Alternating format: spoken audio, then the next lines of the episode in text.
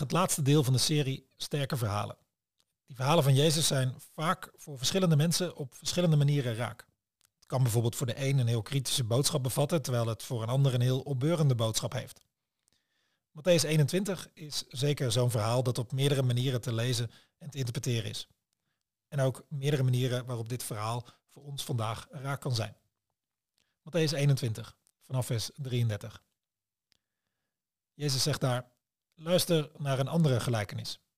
Er was eens een landheer die een wijngaard aanlegde en hem omheinde. Hij groef er een kuil voor de wijnpers en bouwde een uitkijktoren. Toen verpachtte hij hem aan wijnbouwers en ging op reis. Tegen de tijd van de druivenoogst stuurde hij zijn knechten naar de wijnbouwers om zijn vruchten in ontvangst te nemen. Maar de wijnbouwers grepen de knechten, ze mishandelden er een, doodden een ander en stenigden een derde. Daarna stuurde de landheer andere knechten, een grotere groep dan eerst, maar met hen deden ze hetzelfde. Ten slotte stuurde hij zijn zoon naar hen toe, met de gedachte, voor mijn zoon zullen ze wel ontzag hebben. Toen de wijnbouwers de zoon zagen, zeiden ze onder elkaar, dat is de erfgenaam. Kom op, laten we hem doden en zo zijn erfenis opstrijken. En ze grepen hem vast, gooiden hem de wijngaard uit en doodden hem. Wanneer nu de eigenaar van de wijngaard komt, wat moet hij dan met die wijnbouwers doen? Ze antwoorden, de onmensen. Laat hij ze op een mensonwaardige manier ombrengen en de wijngaard verpachten aan andere wijnbouwers die de vruchten wel aan hem afdragen wanneer er daar de tijd voor is. Daarop zei Jezus tegen hen, hebt u dit nooit in de schriften gelezen? De steen die de bouwers afkeurden is de hoeksteen geworden. Dankzij de Heer is dit gebeurd, wonderbaarlijk is het om te zien.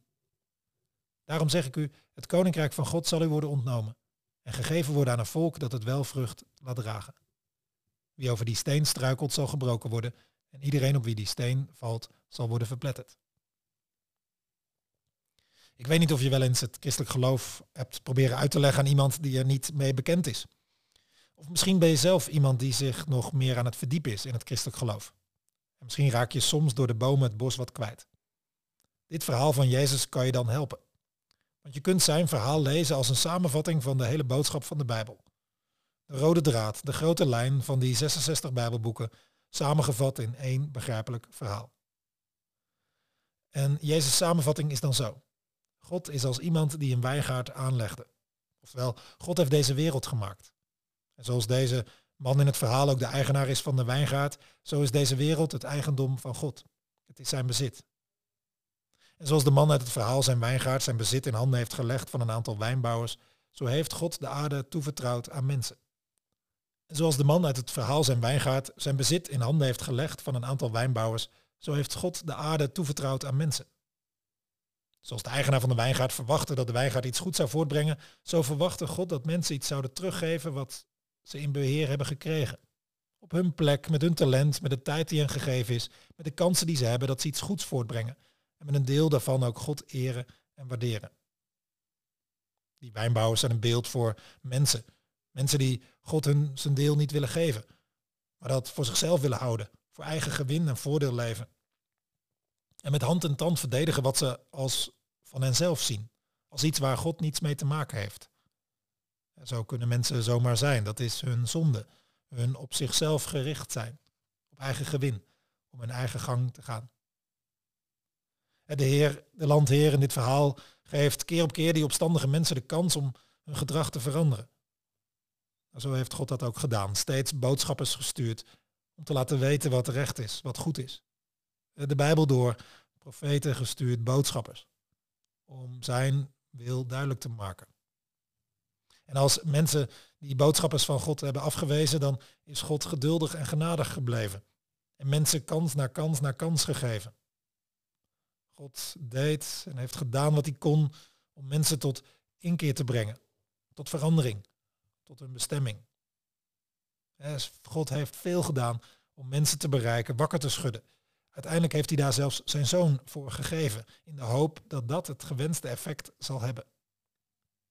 Maar ook die zoon werd aangepakt, uit de weg geruimd, vermoord. Zo diep zit de weerstand blijkbaar. Ook voor Gods zoon hebben ze geen ontzag. Zo gaat het in het verhaal. Zover kunnen blijkbaar mensen afglijden. Het verhaal van Jezus gaat dan nog verder. Daar eindigt het niet.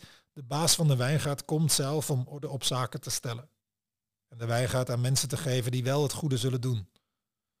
Zo zal, volgens het, de grote lijn van de Bijbel, God uiteindelijk komen om orde op zaken te stellen en alles recht te zetten. De kwaaddoeners gaan het niet winnen. En God zal verder gaan met de mensen die vrucht zullen dragen. Dat is het grote verhaal van de Bijbel samengevat. En Jezus laat zo zien hoe goed en geduldig God is. Hoe die blijft zoeken naar contact. Hoe die alles over had om ons mensen goed te laten uitkomen. En hoe die zelfs zijn zoon heeft gegeven voor opstandige mensen. En hoe God uiteindelijk alles recht zal zetten. En zijn toekomst in handen geeft van mensen die hem willen eren. Dat is het Bijbelse christelijke verhaal. C.S. Lewis, schrijver uit de vorige eeuw, heeft ooit wel eens gezegd, het is goed om elke dag je aandacht even te richten op iets centraals uit het christelijk geloof. Even, even je aandacht vestigen op iets, iets wat tot, tot de kern van het christelijk geloof hoort. Omdat je anders andere dingen gaat geloven. Er zijn voortdurend ook nieuwe dingen te leren, nieuwe dingen te ontdekken, ook in het geloof. En daar, daar, kun je in verdiepen, daar kun je naar zoeken, er, is heel veel te ontdekken, maar ook elke keer weer terug naar de kern van het geloof. Omdat je anders dingen gaat geloven. En daarom staan we in de kerk ook steeds stil, bijvoorbeeld door liederen, door de feestdagen, uh, op andere manieren bij die grote rode draad. Omdat we daarvan moeten hebben. En omdat we anders zomaar andere dingen kunnen gaan geloven. Want ja, gedurende de week komen allerlei andere verhalen op ons af. Dingen die we, die we horen, dingen die we, die we opsnuiven zonder dat we het soms bewust zijn. Het verhaal van het toeval bijvoorbeeld. Dat dit alles toevallig is ontstaan en toevallig zijn wij mensen en als we willen kunnen wij wat van maken. Of het verhaal dat het toch niks wordt. Dat het uiteindelijk verkeerd afloopt en alles stuk gaat. En dat we daarom ook net zo goed maar kunnen consumeren tot we stuk gaan, want ja, alles gaat toch stuk. Of het verhaal dat de bomen tot in de hemel groeien en dat het dus alsmaar mooier, beter, meer, fantastischer kan en moet.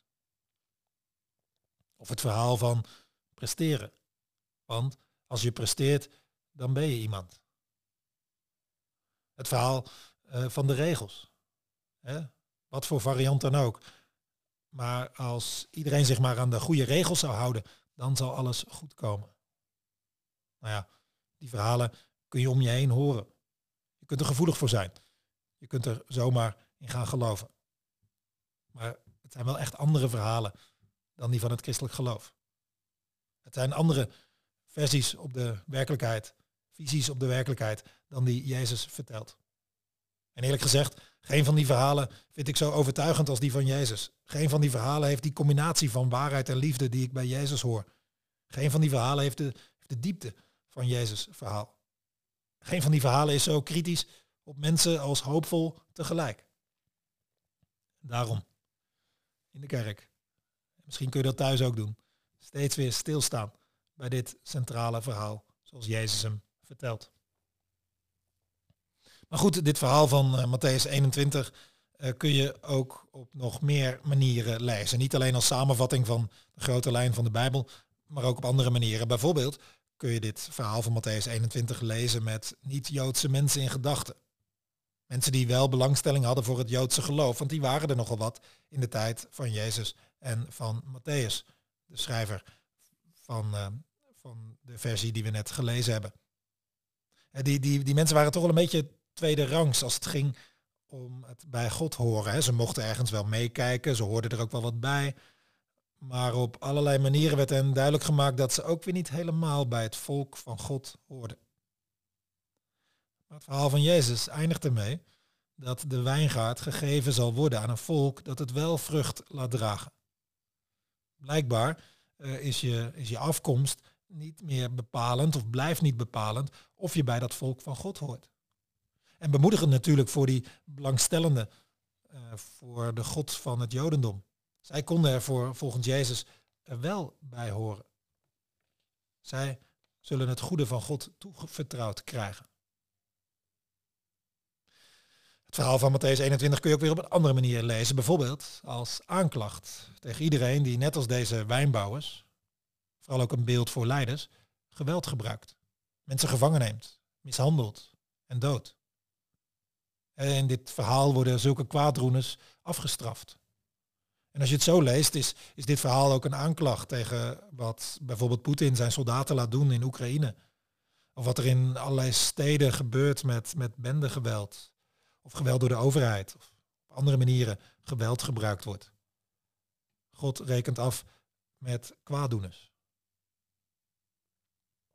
Je kunt het verhaal van Matthäus 21 nog weer anders lezen. Je kunt het ook lezen als een aanklacht tegen mensen die de wijngaard, een beeld voor de schepping, alleen voor eigen gewin gebruiken. En die als ze daarop aangesproken worden, keihard reageren. Tot de aanval overgaan zelfs, om hun eigen levensstijl maar voor te kunnen blijven zetten. Als je het zo leest, is het verhaal een aanklacht tegen westerse mensen misschien wel, die de schepping uitbuiten, voor eigen gewin gaan en geen kritiek willen horen, omdat ze niet veranderen willen. Nou ja, je kunt het verhaal dat Jezus vertelt in Matthäus 21 dus op verschillende manieren lezen.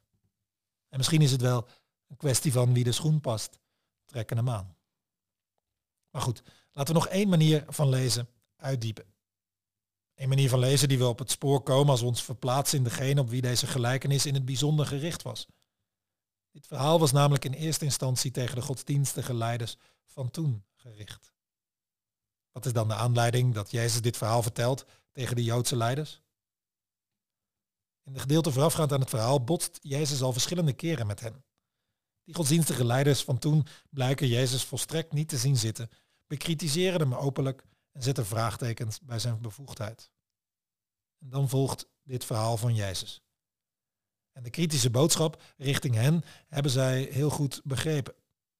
En ze waren ook thuis in de beelden die Jezus gebruikt. Zij kenden bijvoorbeeld ook Jesaja 5, wat heel veel lijkt op dit verhaal. Ook daar wordt een verhaal verteld over hoe een heer een wijngaard aanlegt. Met veel liefde en zorg, een prachtige wijngaard. En die heer daar is ook iemand die goede vruchten verwacht van zijn mensen. Maar er is wel een groot verschil tussen wat Jezus vertelt en Jesaja 5.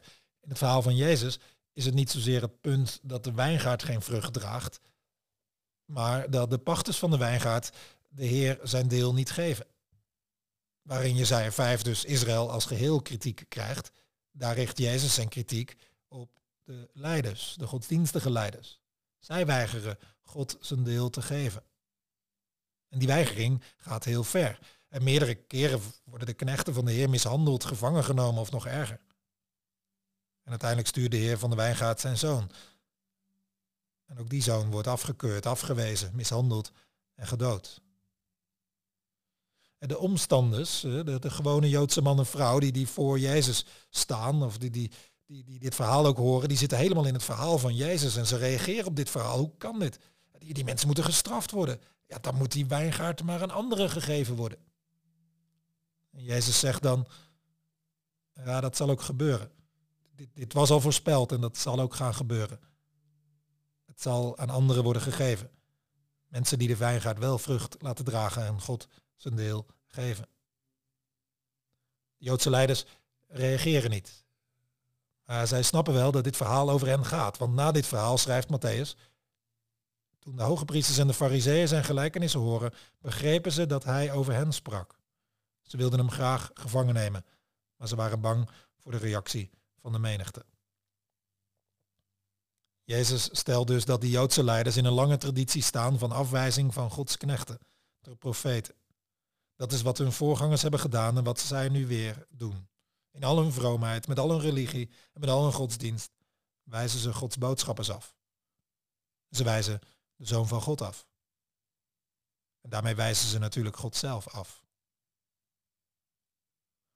Het is natuurlijk te makkelijk om te denken dat deze kritiek alleen de godsdienstige leiders van toen past. Dat, als dat zo zou zijn, dan had Matthäus het ook niet allemaal hoeven optekenen. En Marcus en Lucas trouwens ook niet. Want dit verhaal staat zelfs dus drie keer in de Bijbel. Nee, we kunnen, als we dit lezen, ook onszelf afvragen. Als het zo is, dat God een God is die ons van alles heeft toevertrouwd. Als God een God is die mij van alles heeft toevertrouwd. Hè? Je leven, je tijd, je plek op deze wereld, de lucht die je inademt, het voedsel dat je eet, de talenten die je hebt, de kracht en gezondheid die je hebt, het netwerk waarin je zit. Zou God dan niet hopen dat we daar iets goeds mee zouden doen? Dat zou niet te veel gevraagd zijn, toch? En, en zou het niet terecht zijn dat hij hoopt dat we hem met wat we geven, hem eren? En zijn wij misschien mensen, uh, misschien helemaal niet zo vroom, religieus, kerkelijk of godsdienstig als die religieuze leiders, maar, maar misschien ook wel. Maar, maar zouden wij mensen zijn die misschien God niet geven wat hem toekomt? Hebben wij hem misschien geweigerd zijn deel te geven? En rekenen we eerst met onszelf, naar onszelf, vanuit onszelf? En is het misschien zo dat God ons al langer probeert te bereiken, maar dat we ons afsluiten voor Gods boodschap, wat God vraagt? Ja, om daar een antwoord op te kunnen geven, moeten we nog wel iets weten, namelijk dit. Wat is in dit verhaal van Jezus dan de vrucht die de Heer van de wijngaard mocht verwachten? Wat mag God dan van ons verwachten? Wat is die vrucht dan? Er zijn meerdere mogelijkheden, denk ik, om dat, om dat toe te passen. Maar ik, ik noem er drie. De eerste twee kort, de laatste ietsje langer. Je zou kunnen zeggen, ja, Jezus heeft heel duidelijk gezegd, op andere plekken, wat God van ons verwacht, van ons mensen, wat het belangrijkste is om te doen. Namelijk dit, God liefhebben boven alles. En de ander als jezelf. De vrucht die God zoekt bij ons mensen is de liefde. Tot God en de ander. De tweede mogelijkheid is om naar Jezaja 5 te kijken, waar de conclusie van dat verhaal is, God verwachtte recht, maar oogste onrecht. Hij zocht rechtsbetrachting, maar vond rechtsverkrachting.